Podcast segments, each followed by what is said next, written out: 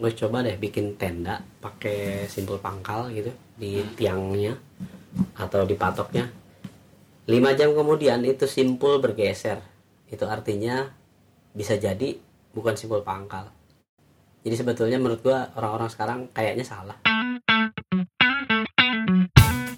Secangkir Podcast. Obrolan santai bareng Rizky dan teman-temannya Kadang kita serius, kadang lucu, tapi bermanfaat Yuk dengerin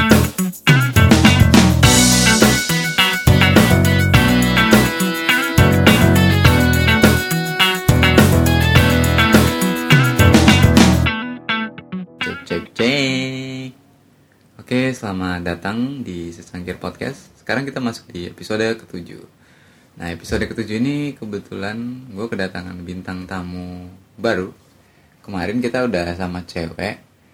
Eh, sekarang kita pindah ke cowok lagi dulu ya. Nah, bisa diperkenalkan diri dulu, Mas? oh ya Dimas dan Mas Nah, enaknya dipanggil apa nih? Mas, Bapak, Om? enggak biasa ngobrol aja dulu gue juga nggak apa-apa sih Oh, gitu ya. Oke. Iya.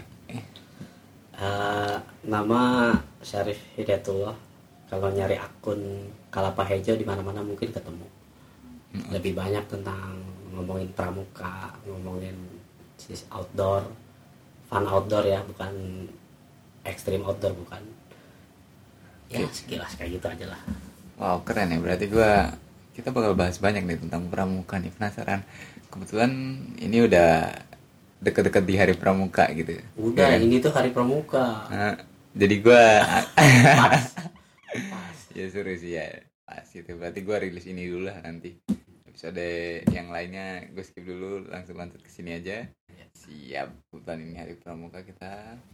Wah senang banget nih gua kedatangan orang. Pramuka itu apa sih?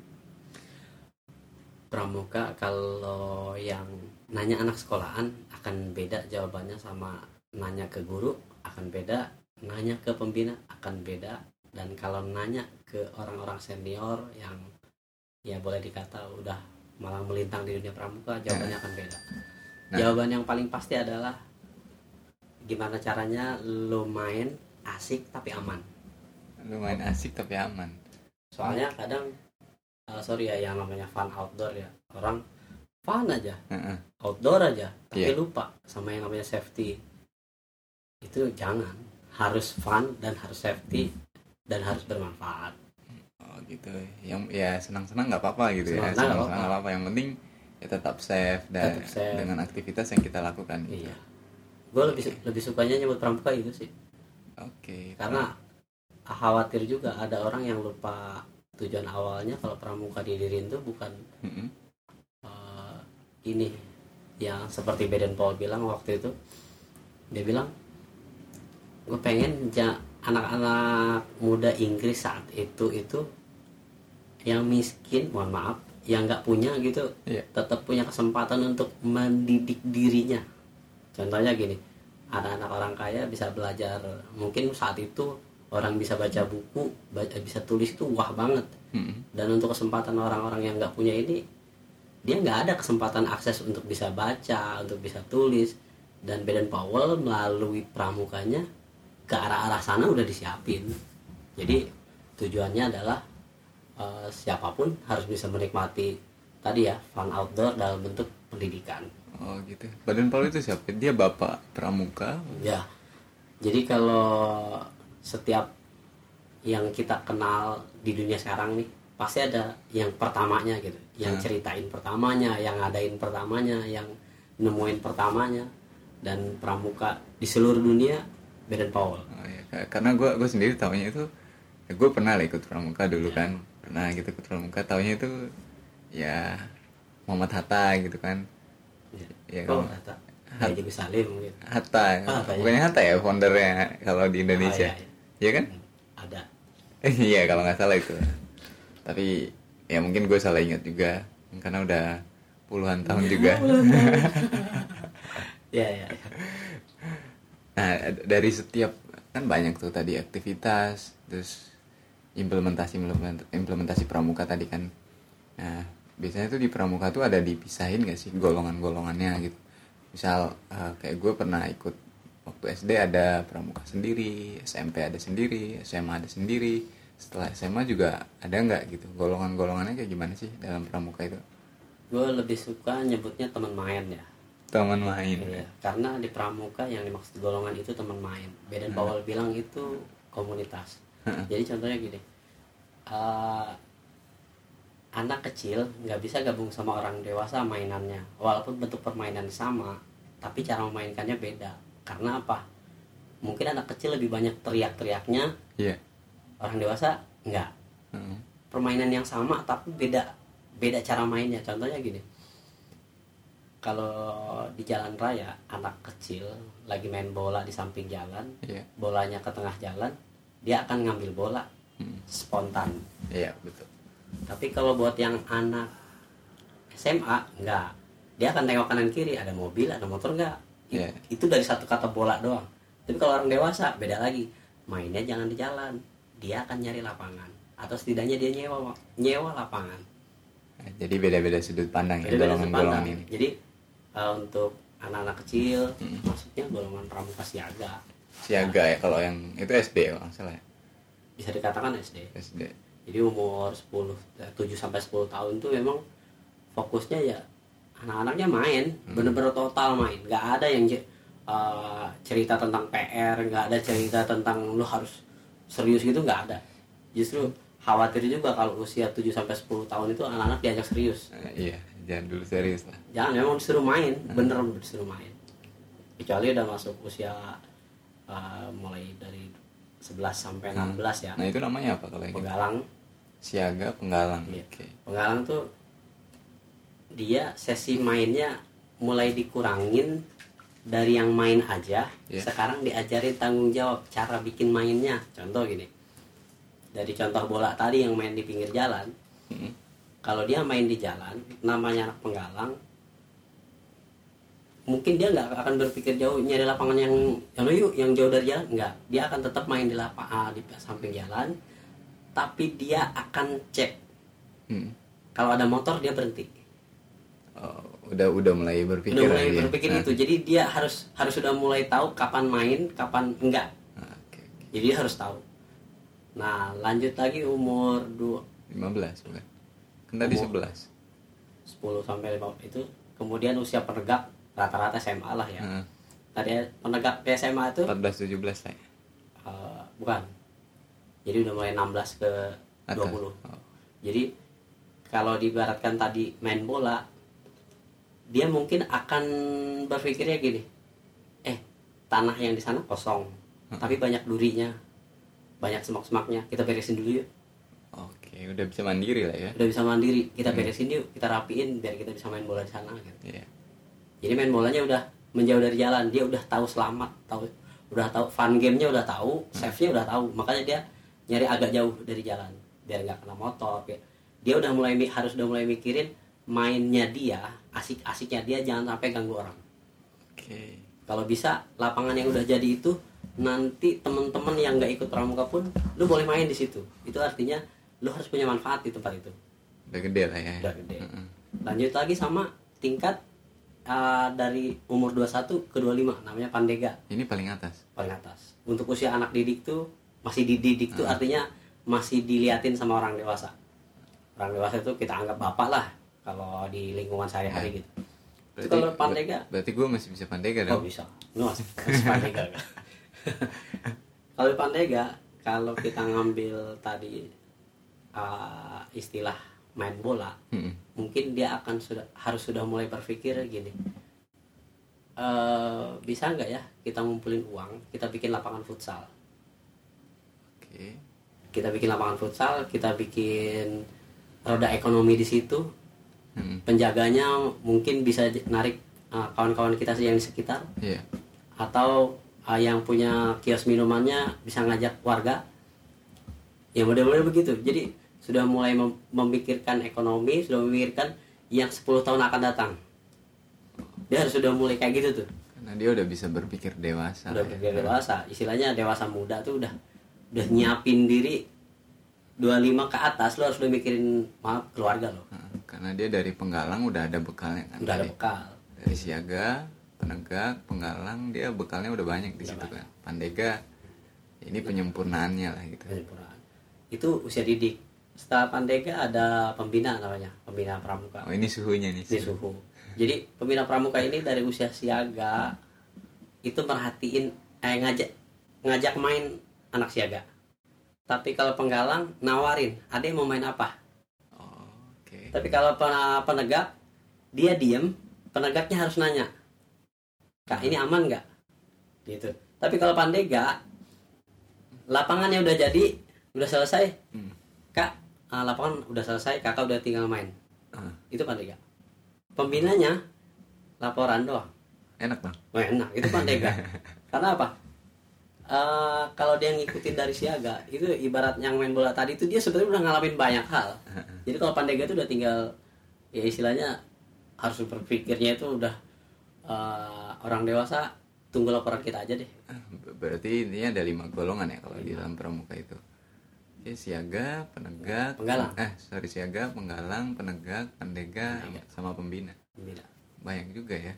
Gue terakhir kelar di di mana gue dulu SMP gue kelar penegak. SMP Penggalang berarti. ya? Penggalang, berarti. Penggalang.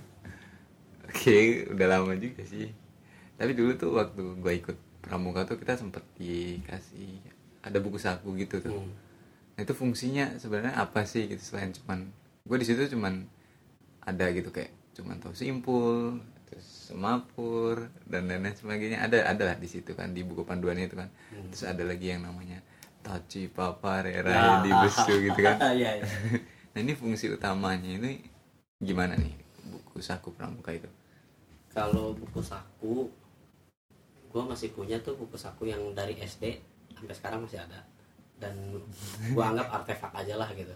Ini barang berharga gua tapi sejujurnya gua nggak bisa pakai yang itu ya karena apa Eh, buku saku menurut versi gua tuh jangan dianggap lu belajar dari situ gitu. Hmm. bisa jadi pembina yang males mohon maaf Iya. pembina yang malas akan bilang ada belajarnya di buku saku ya itu pembina yang malas Mm-mm. jadi menurut gue tuh buku saku tuh sebetulnya gini aja lu tempel di dinding ya lu tempel di Ya. dinding Mm. Uh, kalau enggak lu taruh di tas. Pembina yang baik bilang ayo kita main. Kita mainkan apa yang ada di isi buku eh, saku itu. Karena so- semua yang ada di pramuka ada di situ gitu. Ada kenapa nggak dilakuin aja gitu kan? Ya itu dia. Maksudnya yang ada di buku dibacanya di rumah. Heeh. ketemu adik-adik ayo main yang ada di buku itu gitu. Itu yang dilupain. Karena nganggapnya orang eh, pembina yang males pembina mau sorry sorry mau bilang kayak gitu. Eh. pembinanya males adik belajar di sini ya pembinanya ke mana? Entah ke warung ngopi dan lain-lainnya. Itu itu nggak tahu lah. Tapi sejujurnya gue ngerasain buku saku itu. Sampai sekarang gue nggak tahu manfaat yang buat gue dari sudut pandang anak gitu ya. Gue kenapa butuh buku ini? Gue nggak tahu. Tapi panduan lah ya. Kalau Bisa- panduan Hmm. istilahnya cuman rambu aja kayaknya. Oh gue harus tahu ini ya? Oh gue harus tahu ini ya? Tapi bukan untuk eh, jadi gue harus bisa ini. Mm. kalau versi gue enggak lu nggak harus bisa ini malah lu bisa ngelak ngelakuin sesuatu yang baru sesuai kreativitas sesuatu yang gitu. baru. Dasarnya ini contoh gini. Berarti Ah. tetap bisa jadi panduan panduan. Tapi kalau anak anak usia didik kayak siaga penggalang penegak itu nganggap buku saku itu semua hal ada di situ. Dan kalau pembinanya nggak pinter-pinter ngarahin itu akan dijadikan acuan apa pun dari segala hal yang ada di pramuka. Padahal bukan itu iya sih. Asli. Bukan itu. Contohnya gini. Pembina yang keren harusnya mulai mikirin dia tuh kayak gini. Kenapa anaknya diajarin morse? Tadi kan Hmm, dibilang kan. iya. Kenapa anak diajarin semapur gitu? Kalau anak nggak bisa dihukum gitu. itu itu nggak nggak kayak gitu. Jadi contohnya gini. Eh lu bi- biar bisa morse lu harus latihan berkali-kali. Setelah latihan berkali-kali latihan pertama lu akan nemuin gagal. Mm-mm. latihan kedua lu akan nemuin gagalnya itu bisa jadi dua kali. Yang ketiga lu bisa nemuin gagal yang ketiga kali. Yang keempat bisa jadi gagal yang tadi itu hilang satu. Lu latihan lagi yang kelima lu gagal lu hilang jadi tinggal dua. Mm-mm. latihan yang selanjutnya lu bisa makin mahir makin mahir. Tapi ingat yang diajarin itu bukan biar lu biar bisa morse tapi gimana caranya nak, lu naklukin diri lu sendiri Iya. buat bisa suatu hal yang baru. Jadi ilmu apa pun kalau lu mau nyobain berulang-ulang lu akan bisa. Jadi pesannya sebetulnya itu. Materi semapur materi yang lain itu tujuannya sebetulnya biar Hmm. biar lu tuh uh, kalau mau memahamin sesuatu lu bisa sesuatu lu harus harus nyobainnya berkali-kali. Lu ngalahin ego lu sendiri sebetulnya gitu Iya. Bener sih. tapi itu jujur ya itu yang dilupain orang Kurang berarti ya. kurang Lu masih ingat nggak? Apa ya? Dwi Dharma gitu masih masih ingat? masih Karena masih aktif juga kan ya. nggak sekarang udah nggak terlalu aktif di satuan itu enggak tapi gue lebih lebih suka eh, lebih geraknya sekarang di komunitas Oh, komunitas. Tapi selama selama ikut ini nih eh, pramuka gitu, yang yang paling ngebanggain lah gitu, yang pernah lu capai gitu kan, selama ikut pramuka ini apa ada event kan, event tahunan biasanya kan kayak jambore gitu kan, itu kan itu senang banget gitu kan ikut jambore. Gue juga waktu SMP gitu kan ikut kayak kemah-kemah gitu kan pramuka gitu, wah itu udah senang banget Oh, gitu kan. Eh, buat usia didik Heeh. kegiatan kayak gitu tuh sebetulnya keren banget ya Mm-mm. jadi bikin anak ah gue ketemu pramuka yang dari sana. Padahal sehari harinya gue nggak bisa ketemu karena jauh. Iya. tapi di event itu gue bisa ketemu orang itu. Mm-mm. dan uh, di event itu berarti gue terpilih dari sekian banyak orang. Itu artinya gue champ gitu kan.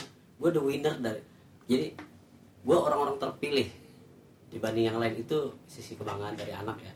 Tapi ingat fakta terbaru boleh cek dicek lingkungan sekitar yang masih ada pramukanya sekarang orang model apa anak model apa yang bisa ikut jambore kebanyakan yang punya duit Masa sih? ya cek aja yang punya duit yang dekat sama istilahnya pengurus di atasnya misalnya Hmm. pengurus kecamatan pengurus kabupaten Iya. kota yang dekat sama itu Eh, yang ketiga itu eh gue baru nemuin kemarin Iya. di jam event jambore dunia.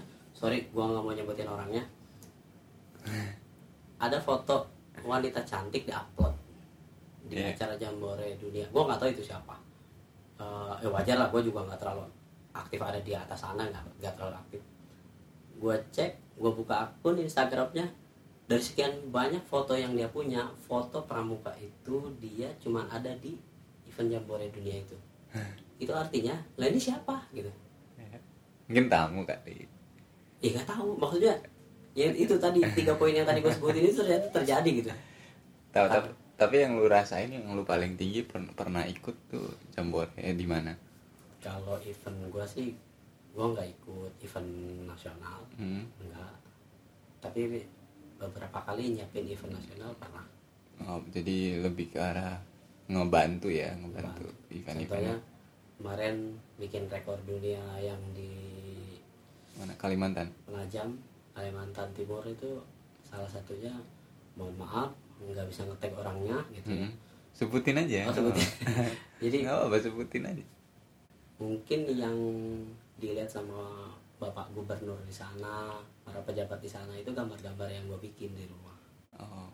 jadi tampilan 3D tampilan visual buat videotron Hmm. tampilan ya pokoknya semua produk audio visual tuh ya itu yang bikin di rumah gua Yang ada di event itu. yang ada di event itu dan itu rekor dunia Wis. jadi Keren banget itu. eh gue masih sempat inget tuh waktu di acara selesai itu Hah? teman gue nyamperin teman gue bilang kayak gini Rip kasihan banget lo dari sekian banyak orang yang hadir di acara ini Hah? rekor dunia nggak ada yang tahu kalau gambarnya tuh lu yang bikin. Berarti nggak ada kredit sama sekali gitu. nggak ada. Dan memang gue nggak nggak mau itu muncul juga emang nggak mau juga. Jadi itu kalimat yang ngenes banget. Dari sekian banyak orang yang hadir di sini nggak ada yang tahu kalau lu yang bikin gambarnya. Ya ya emang gitu sih. Kadang gue juga kadang lebih suka jadi orang belakang layar gitu. Yang penting apa yang kita lakuin ya punya manfaat lah gitu kan. Aja. Hmm. jadi nggak perlu disebut enggak lah. Karena gue termasuk juga yang apa ya demam panggung kali ya. Demam panggung. Demam panggung itu dalam artian yang lain ya. Jadi kalau yang soal penghargaan penghargaan dengan pejabat ah lu aja lah. Gua, gua, gua nih. oh lu aja jadi gue lebih asik di situ aja sih. Berarti ya intinya ya lu bisa ngelakuin lah sesuatu yang bermanfaat gitu kan buat ya pramuka gitu. Terus biasanya di pramuka itu kan ada sebelum aktivitas tuh ada kayak hal-hal kayak senam gitu nggak sih? Oh, ingat nggak nah, sih ada senam pramuka gitu kan? Oh, senam tuh kayaknya ritual aja sih. Ritual, ada ya. juga yang nggak nggak pakai banyak. Jadi eh, gini. Gue pernah nemu akun Facebooknya pramuka dari Afrika itu kalau nggak salah. Oh Afrika. Ya hmm? diminum diminum. Ah diminum ya? Dia upload foto yang mungkin apa ya kayak lintas alam gitu gitu petualang gitu. Lintas alam lomba gitu. Oh kayak lomba. triathlon gitu. Tapi pramuka gitu. Keren berarti. Nah kenapa di Indonesia nggak bisa terjadi gitu? Mm-mm. dan memang waktu gua baca buku cerita api unggun itu punyanya Baden Powell. Wow peunggun Ya. Hmm. memang isinya lebih banyak tentang anak tuh memang harus dilatih lebih banyak tuh tentang fisik. Bukan artinya disuruh push up bukan. Iya. Jadi berkegiatannya itu misal aktivitasnya mengandung tentang kekuatan fisik. Hmm. Artinya pramuka jangan sampai loyo. Iya Kayak- Buk- bukan mau ngasih apa hukuman Bukan. bukan. Salah. Emang gitu sih. Jadi sebelum latihan kita lari dulu yuk. Larinya nggak kayak lari orang lagi disetrap Mm-mm. nggak kayak orang lagi dihukum. Ya sambil ketawa-ketawa juga ya nggak apa-apa. Nggak masalah. Itu justru buat uh, apa ya hiburannya dia. Ya, meregangkan atau meregangkan aja. Karena gue lebih suka ngeliat pramuka yang uh, pas gue pegang tangan ini apa sih bagian apa sih namanya nih? Apa? Lengan? Apa? lengan itu kalau gue pegang keras tuh gue suka banget. Karena apa? Berarti pekerja keras. Oh. Kalau gua kalau gua? Ya keyboard mulu. Karena apa? Itu bercerita banyak loh. Tangannya kasar itu bercerita banyak buat seorang pramuka. Oh iya. Dia bukan dia bukan pramuka yang ada di balik meja.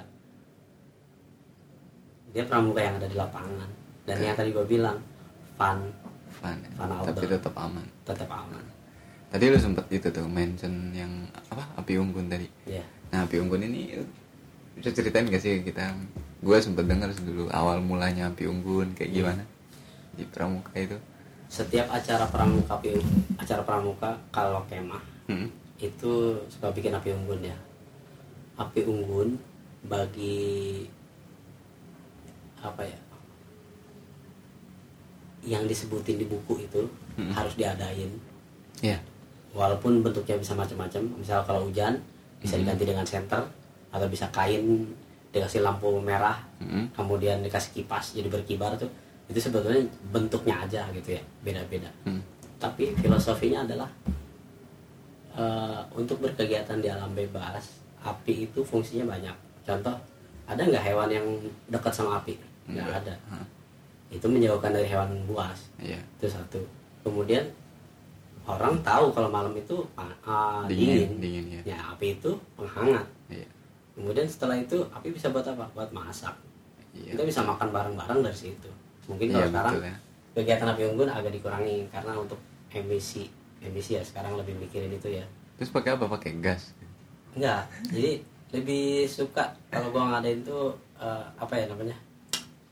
Simulasi aja kayak. Karena apa? Gua sekarang lebih mikirin gini. Waktu SD gua mikirin gini kok di atas ada awan? Iya. Apa itu dari asap pramuka? Pramuka yang ngadain camping api unggun terus asapnya ke atas. Itu gue udah mikirin dari SD berarti selama ini pramuka ngotorin udara.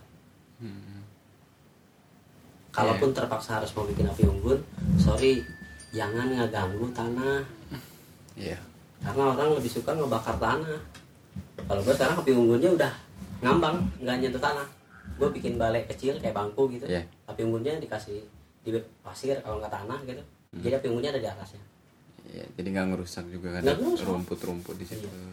kayak gue main game tuh kayak gitu. Oh gitu di rumput?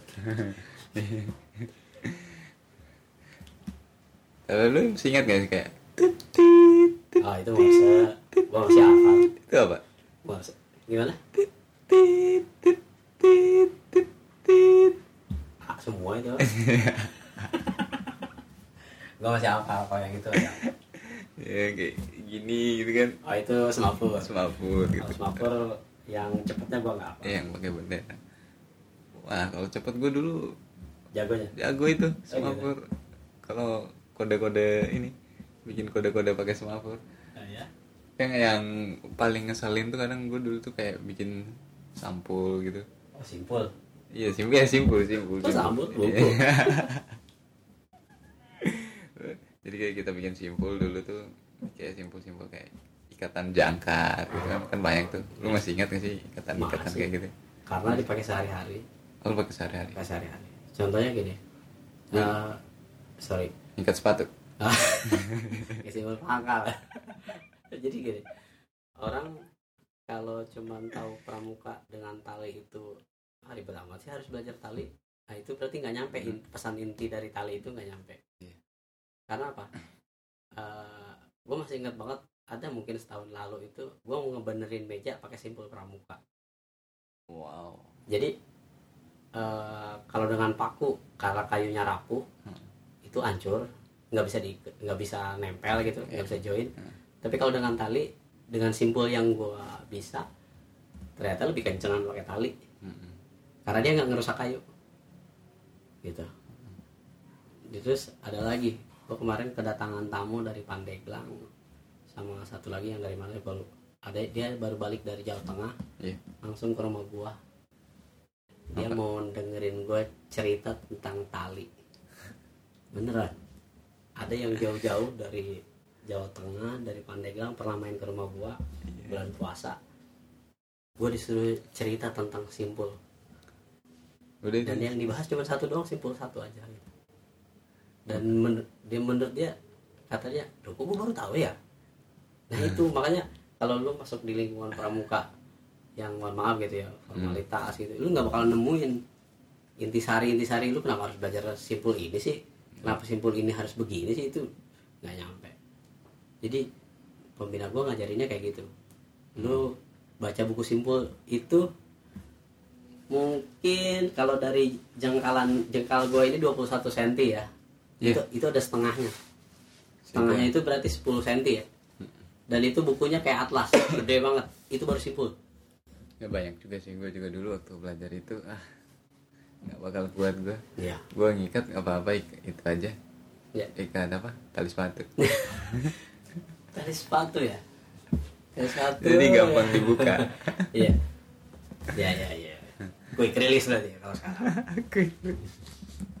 Dan oh ya ah, sorry se- tentang simpul tentang tali gue mau cerita sedikit gini. Boleh boleh. Banyak juga nggak apa-apa. Hmm. ini bisa bisa ngalahin rekor episode sebelumnya. Oh gitu ya. Ah, ntar gue bikin podcast juga deh. Gak jadi gini. Apa ngobrol dua jam juga yang penting kuat. Oh, siap, siap. jangan lupa secangkir ya. Asia Secangkir Podcast. Follow. Jadi gini. eh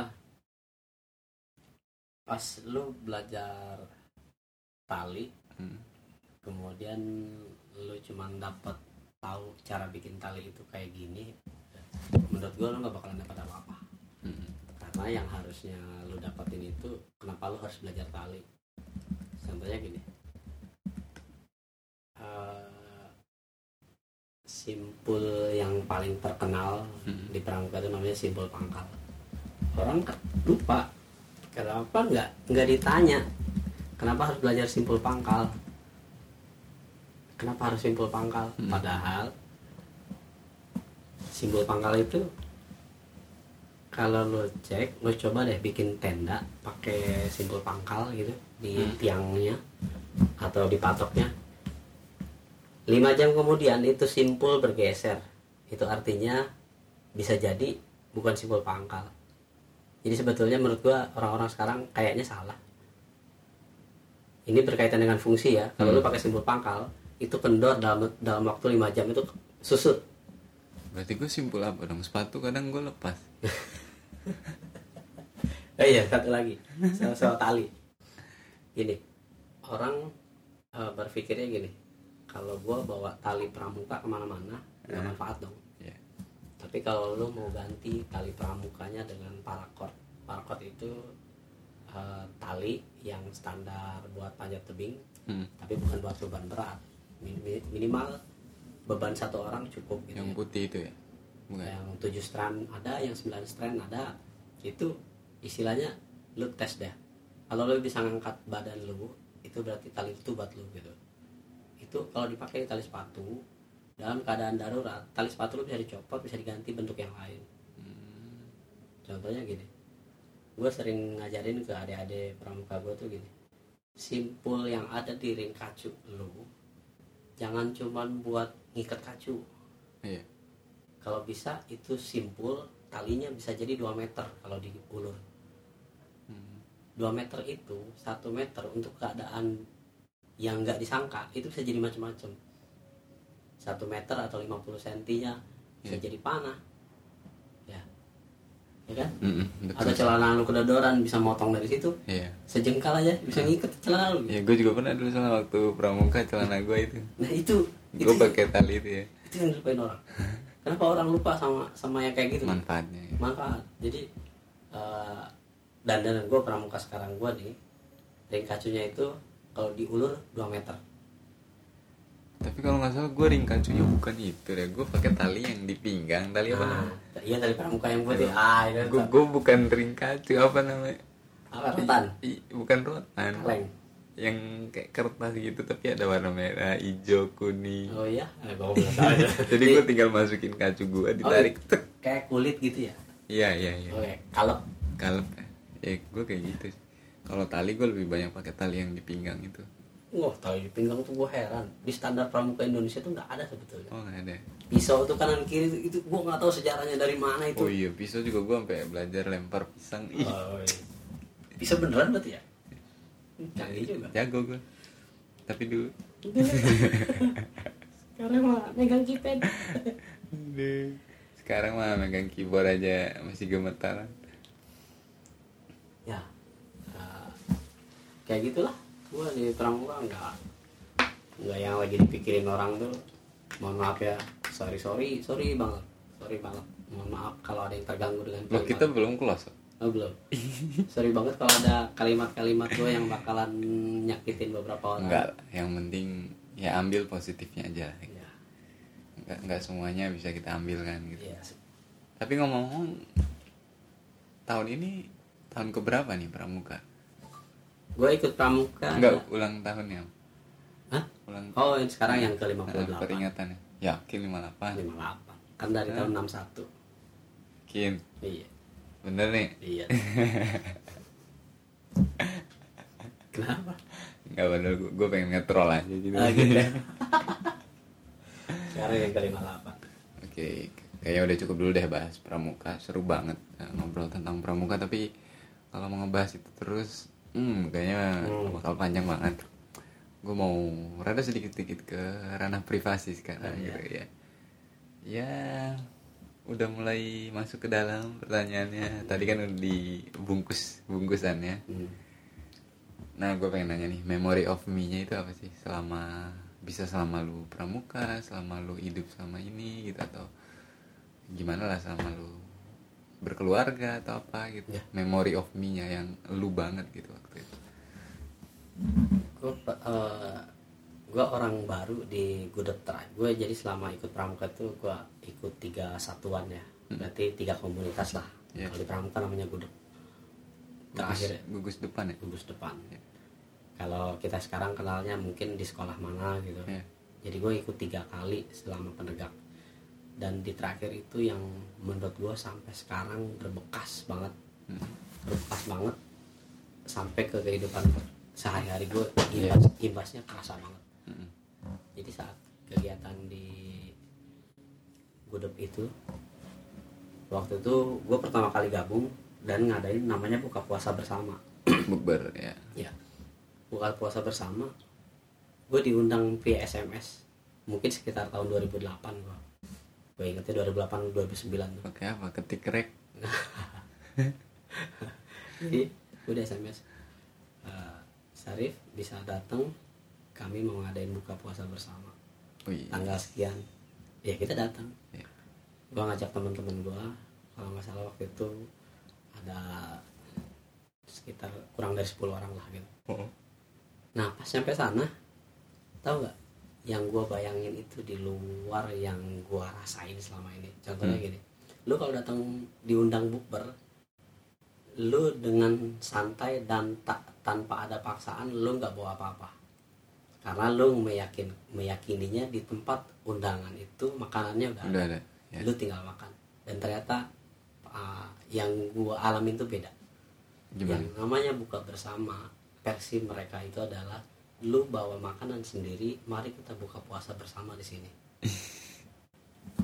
Iya buat lingkungan itu artinya lu jangan ngerepotin orang. Mm, biar mandiri lah. mandiri dan itu sampai sekarang. Kerasanya sampai sekarang. Itu yang memory of me itu. Yang paling gue bilang loh kok beda banget sama di lingkungan? Lu cari deh di mana pun di mana pun pasti kalau namanya buka bersama itu lu tuh lenggang kangkung. Tangan lu nggak nggak bawa apa-apa. Mm. dan ternyata gue dibalik pemahaman gue di sana dibalik. Jadi kalau bisa jangan ngerepotin orang kalau lu nggak ngerepotin orang lu nggak akan direpotin orang deh Iya. Gue ngerepotin ya? Nggak lah. Eh jam berapa ini? Selo. Nah, gitu. Terus yang bikin lu penasaran banget saat ini nih apa sih? Ada hal nggak? gitu? Banyak. Kayak? Tapi yang banyak banyak itu bukan bukan banyak cabang ya, Hmm. tapi banyaknya sebetulnya ngerucut. Dari sekian banyak yang gue pengen tuh, gol akhirnya itu akan ada. Hmm. Contohnya, eh gue lagi pengen belajar hal-hal yang ada sekarang ini, terutama digital gitu. Mm, Tapi orang lain ngerasain gitu. Iya. ngerasain apa yang sedang gue perjuangin contohnya gue jujur ya suka banget tuh yang namanya web titik-titik bisa.com tuh Iya. ya kayak gitu gitu jadi lu punya ilmu sekarang lu lu buat apaan kalau cuma Iya. buat lu pegang sendiri Iya. Bermanfaat lah gitu. iya Hmm. karena basic gue ya itu aja gue seneng aja kalau tiba-tiba tetangga gue makasih ya gitu itu artinya lu di situ bermanfaat Iya. Ada gunanya. Seru seru seru, seru banget. jadi gue kaget gue waktu itu tersentak juga sama iklan Thailand tuh yang iklan CCTV lu lihat gitu lu lihat belum Belum. iklan Thailand ada bapak-bapak kalau di Indonesia mungkin bawa duit 15 ribu lah. Ya, Sawadee mau beli CCTV Heeh. kata yang menjaganya pak ini nggak cukup. Kamu ngeledek saya jadi gitu. Dengan kerennya penjaga penjaga tokonya bilang gini "Ah, pak ini uang 15 ribunya beliin aja pecel lele. Kasih ke tetangga karena CCTV terbaik adalah tetangga anda yang baik bilang, itu keren banget super menurut gue itu keren banget karena apa kalau lu jadi orang baik lu akan dilingkungi orang-orang baik Iya lah pasti. Amin. Gitu. Amin. Nah, terus saya ceritain ke kita dong eh, kerjaannya sekarang tuh apa? Ya selain tentang uang lah yang bisa menginspirasi lu masih tetap kerja di situ gitu. Selain tentang uang gitu. selain Ya. tentang uang adalah sorry ya gue pernah kerja di tempat yang Sekarang kerja di? sekarang kerja di masjid Heeh. jadi gue di bagian au- audiovisual Iya. jadi seluruh- semua dokumentasi semua publikasi gue yang pegang Iya. jadi yang ngurus channel YouTube sosmed dan lain-lain itu kontennya gue yang bikin Konten kreator. Wah. Jadi eh, yang bikin eh gue pernah punya tempat kerja di tempat lain tuh sebelumnya gini. Loh, kok ada ya tempat kerja yang pemilik perusahaannya itu imam sholat? Ya sorry ya gue basic gue muslim gitu. Iya, iya. Basic gue muslim, lingkungan gue kanan kirinya juga muslim dan eh, selalu ngingetin yang baik-baik. Iya. Selalu ngingetin lu kalau waktunya sholat ya lu sholat gitu Iya. dan di perusahaan itu pimpinannya yang jadi imam sholat dulu Hmm. Mungkin sekitar 2010 dan dari situ karena ada masalah masalahnya sih bukan di gua jadi ada masalah manajer sama bawahannya minta pekerjaan ke gua gua yang ngerjain gitu Hmm. tapi dua-duanya berantem gara-gara gua harus milih salah satu kerjaan yang harus dipilih gitu akhirnya gua daripada berantem mendingan gua yang keluar gitu Tapi kalau yang sekarang gimana? bentar gua urut nanti akan ketemu tingnya akan ketemu Oke. kemudian gue pindah lanjut ke kerjaan sama orang Jepang sorry ya gue bukan ngomongin uh, suatu komunitas wilayah Wah rasis nih. oh, rasis gitu ya Enggak. gue gue suka asli gue suka lingkungan kerjanya orang-orang Jepang Uh, dari sisi apa ya kebaikan aja gitu ya Hmm. gue suka banget Uh, namanya tank lu pulang tank lu dateng diperhatiin Udah, banget Perhatiin ya betul. Nah, cuman bagi gue yang muslim, mohon maaf gitu ya, ada jam-jam khusus yang gue harus keluar dari jam kerja sebentar. Dan itu buat dia memang gak ada masalah sih. Kalau buat dia gak ada masalah itu artinya lu bisa kan jam berapa aja ngerjain itu gitu. Iya. Tapi gue nggak gitu gitu. Gue maunya kalau saat itu ya karena jamnya itu ya gue harus itu gitu saat itu sama kayak gue masuk jam kerja ya jam kerjanya segitu. Lu nggak boleh lebih cepat nggak boleh lebih lambat. Ya emang segitu. Nah untuk jam sholat mohon maaf gitu. Gue di situ nggak bisa. Iya. kemudian pindah lanjut kerja lagi gue di situ keluar. Sekarang? yang sekarang? Hmm. itu yang sekarang gue alhamdulillah 30 menit sebelum azan gue di reminder. 5 menit sebelum azan reminder lagi Marahin. Pas azannya karena di sampingnya gue sendiri ya gue denger. Dan bisa paling lambat 5 menit setelah azan itu paling lambat. Itu artinya gue lagi ngerjain gambar ya, ngerjain video dan lain-lain gitu. 5 menit setelah nggak nyampe 5 menit 2 menit lah. Itu gue harus harus keluar karena apa? Nggak ada yang aktivitas. Semuanya sholat. Iya. iya. dan atasannya itu tadi pimpinan istilahnya imam sholatnya Keren sih. Terus eh, ada hal yang perlu gue tanyain lagi nggak? Tapi belum sempat gue tanyain. Ada nggak? tentang apa nih Ya apa pun itu ada yang perlu gue tanyakan. Tapi nggak gue tanyakan selama wawancara podcast ini. apa ya tapi kayaknya kalau gue lagi nggak fokus ya apa ya? Ada istri, istri berapa, anak berapa? ya. Gue Ada nggak? gue lagi bahagia sama istri satu anak satu.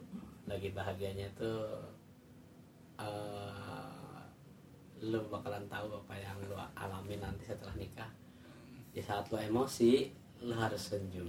Di, di saat lu lagi happy Hmm. Partner satu lagi lagi sedih. Dan lu harus bisa nyamain Hmm, frekuensinya. imbangi ya. lu lu lagi happy tapi istri lagi sedih. Lu harus bisa sejajar. Lu, lu lagi bahagia banget entah yang bikin bahagia lu apa gitu. Tapi kalau balik lagi rumah istri lagi sedih lu nggak boleh nunjukin bahagia lu dulu. Lu harus sejajar dulu sama istri. Tapi istri kalau lagi bahagia lu lagi sedih lu harus bisa bahagia. Oh, kok gitu ya? itu cowok oke. cowok begitu lah Eh, Semoga nemu jodoh lah di sesangkir podcast nih. siapa siapa Siapa kek? Alhamdulillah Oke, siap. Sekarang kita masuk ke kuis. Wah, Iya, ini yang jeng. Oke, musik. Oke, pertanyaan pertama. Tom apa Jerry? Tom Kenapa? gue suka kucing Oke, suka kucing terus. Tapi Tom kan bandel gitu kan. Apa Jerry-nya yang bandel? kalau lo ngeliat semua episodenya nggak semuanya Tom bandel Mhm. dan nggak selamanya Jerry juga bandel ya jadi di sisi lain gue lebih suka Tom karena kalau untuk ukuran body dia lebih penyayang dibanding Jerry Dia lebih ya. Oke, berarti, Tiba-tiba Tom and Jerry berarti Tom Jerry ya. Oke. Musik. Oke, pertanyaan kedua. Pertanyaan kedua ini cuma dua pertanyaan bi- biasanya. Coba lu jelasin ke orang yang buta gitu kan. Buta sama sekali, nggak bisa. Buta mata gitu. Nah, dari lahir dia nggak bisa ngelihat. Pramuka. Pak, saya tuntun nyebrang. Mhm. Tuntun nyebrang. Bapak mau ke mana saya anterin. Oke, berarti pramuka itu baik gitu. Harus. Oke. Terus kalau warna kuning ke orang buta. Pak, nih makan pisang ini. Ya, emang dia tahu warna kulit pisang kuning. Kan gua nggak ngejelasin warna. Kalau warna itu semuanya baik. Ah, Dan kuning lebih representasi tentang rasa. Buah. rasa. Buah. Kalau gua ngejelasin jeruk, dia akan kaget. Kok asem? Asam, ya, orange berarti gitu ya. Iya. Dia akan kaget. Lu mau nipu gue ya? Hmm. Kenapa gua kasih pisang? Karena jarang ada pisang asem. Ah, dulu pisang asem, keset. Iya. kuning, itu kuning lah. Kuning. Berarti pisang cara lu. ya? Kalau gue sih kan pakai rasa gitu. Rasa. Ya. Betul sih. Kalau merah? Merah ya. Pak nih, ada buah, bawa pegang ya. Di atasnya ada batang kecil, Hmm. bawa pegang. Bentuknya setengah oval. Mhm. Atas lengkung, bawah lengkung sedikit. Hmm. Bapak gigit aja. Manis pak, Berarti merah itu manis. manis. Hidi. Itu buah apel. Jangan Buah- nyari buah alasan nyari apel yang asem ya. Gue maunya ngasih ke orang Terakhir warna biru. Warna biru ya. Ya. Karena cara cara orang cara jela- orang jelasin tuh di beberapa episode secangkir podcast tuh beda-beda. Di sudut pandangnya emang beda-beda. Nah kalau warna biru gimana? Warna biru ya. Ntar dulu. Gue termasuk yang jarang nyentuh warna biru di semua kerjaan gue karena memang versi gue sendiri gue sulit mendeskripsikan, sulit untuk membuat apa ya rancangan layout gitu. Biru memang agak-agak gue jarang pakai biru Iya. kecuali sayan. Nah lu jelasin gimana nih? Nah, tapi Tadi udah apel, pisang, biru apa? Apel biru. oh, lu maksa banget. Eh, Pak ini pensil. Pensil, oke. Iya. Saya tahu bapak nggak bisa nulis. Hah? Kalaupun bapak nulis, saya nggak tahu harus bisa terjemahin apa maksud bapak. Mm-mm. Tapi yang jelas nggak semua yang kita ingin tahu harus tahu jawabannya sekarang. Mm-mm. Itu biru. Itu biru. gue belum coba gue pura-pura buta nulis susah sih Iya. susah kalau manis kan ah, gitu kan kayak pipi merah manis gitu Itu artinya apa ya? Converter kali ya. enggak tahu Tapi kalau biru karena gue sendiri jarang nyentuh warna biru, Mm-mm. ah, jadi gue itu pakai baju biru? Ini bukan biru sayan. kalau sayan banyak. oke oke. Seru seru seru seru. Jadi kuisnya udah. Nah terima kasih banyak nih udah sempetin waktunya mas Sarif Ini Hidayatullah mas. ya apa Ya pokoknya om lah. om karena lu lebih tua dari gue terima kasih banyak buat waktunya. Ah, terus kalau teman-teman nih pendengar secangkir podcast pengen tahu banyak lagi tentang lu gitu mungkin insight-insight yang lu posting di sosial media atau apa gitu bisa dihubungi di mana atau follow apa gitu Ya, gua termasuk yang nggak mau rame di sosmed sebetulnya. ya. Jadi kalaupun kayak gue dong jadi kalaupun gua posting di sosmed itu bukan postingan yang eh, lu harus nge-like, Heeh. lu harus lihat, lu enggak karena eh, anggap aja itu album pribadi. Isi.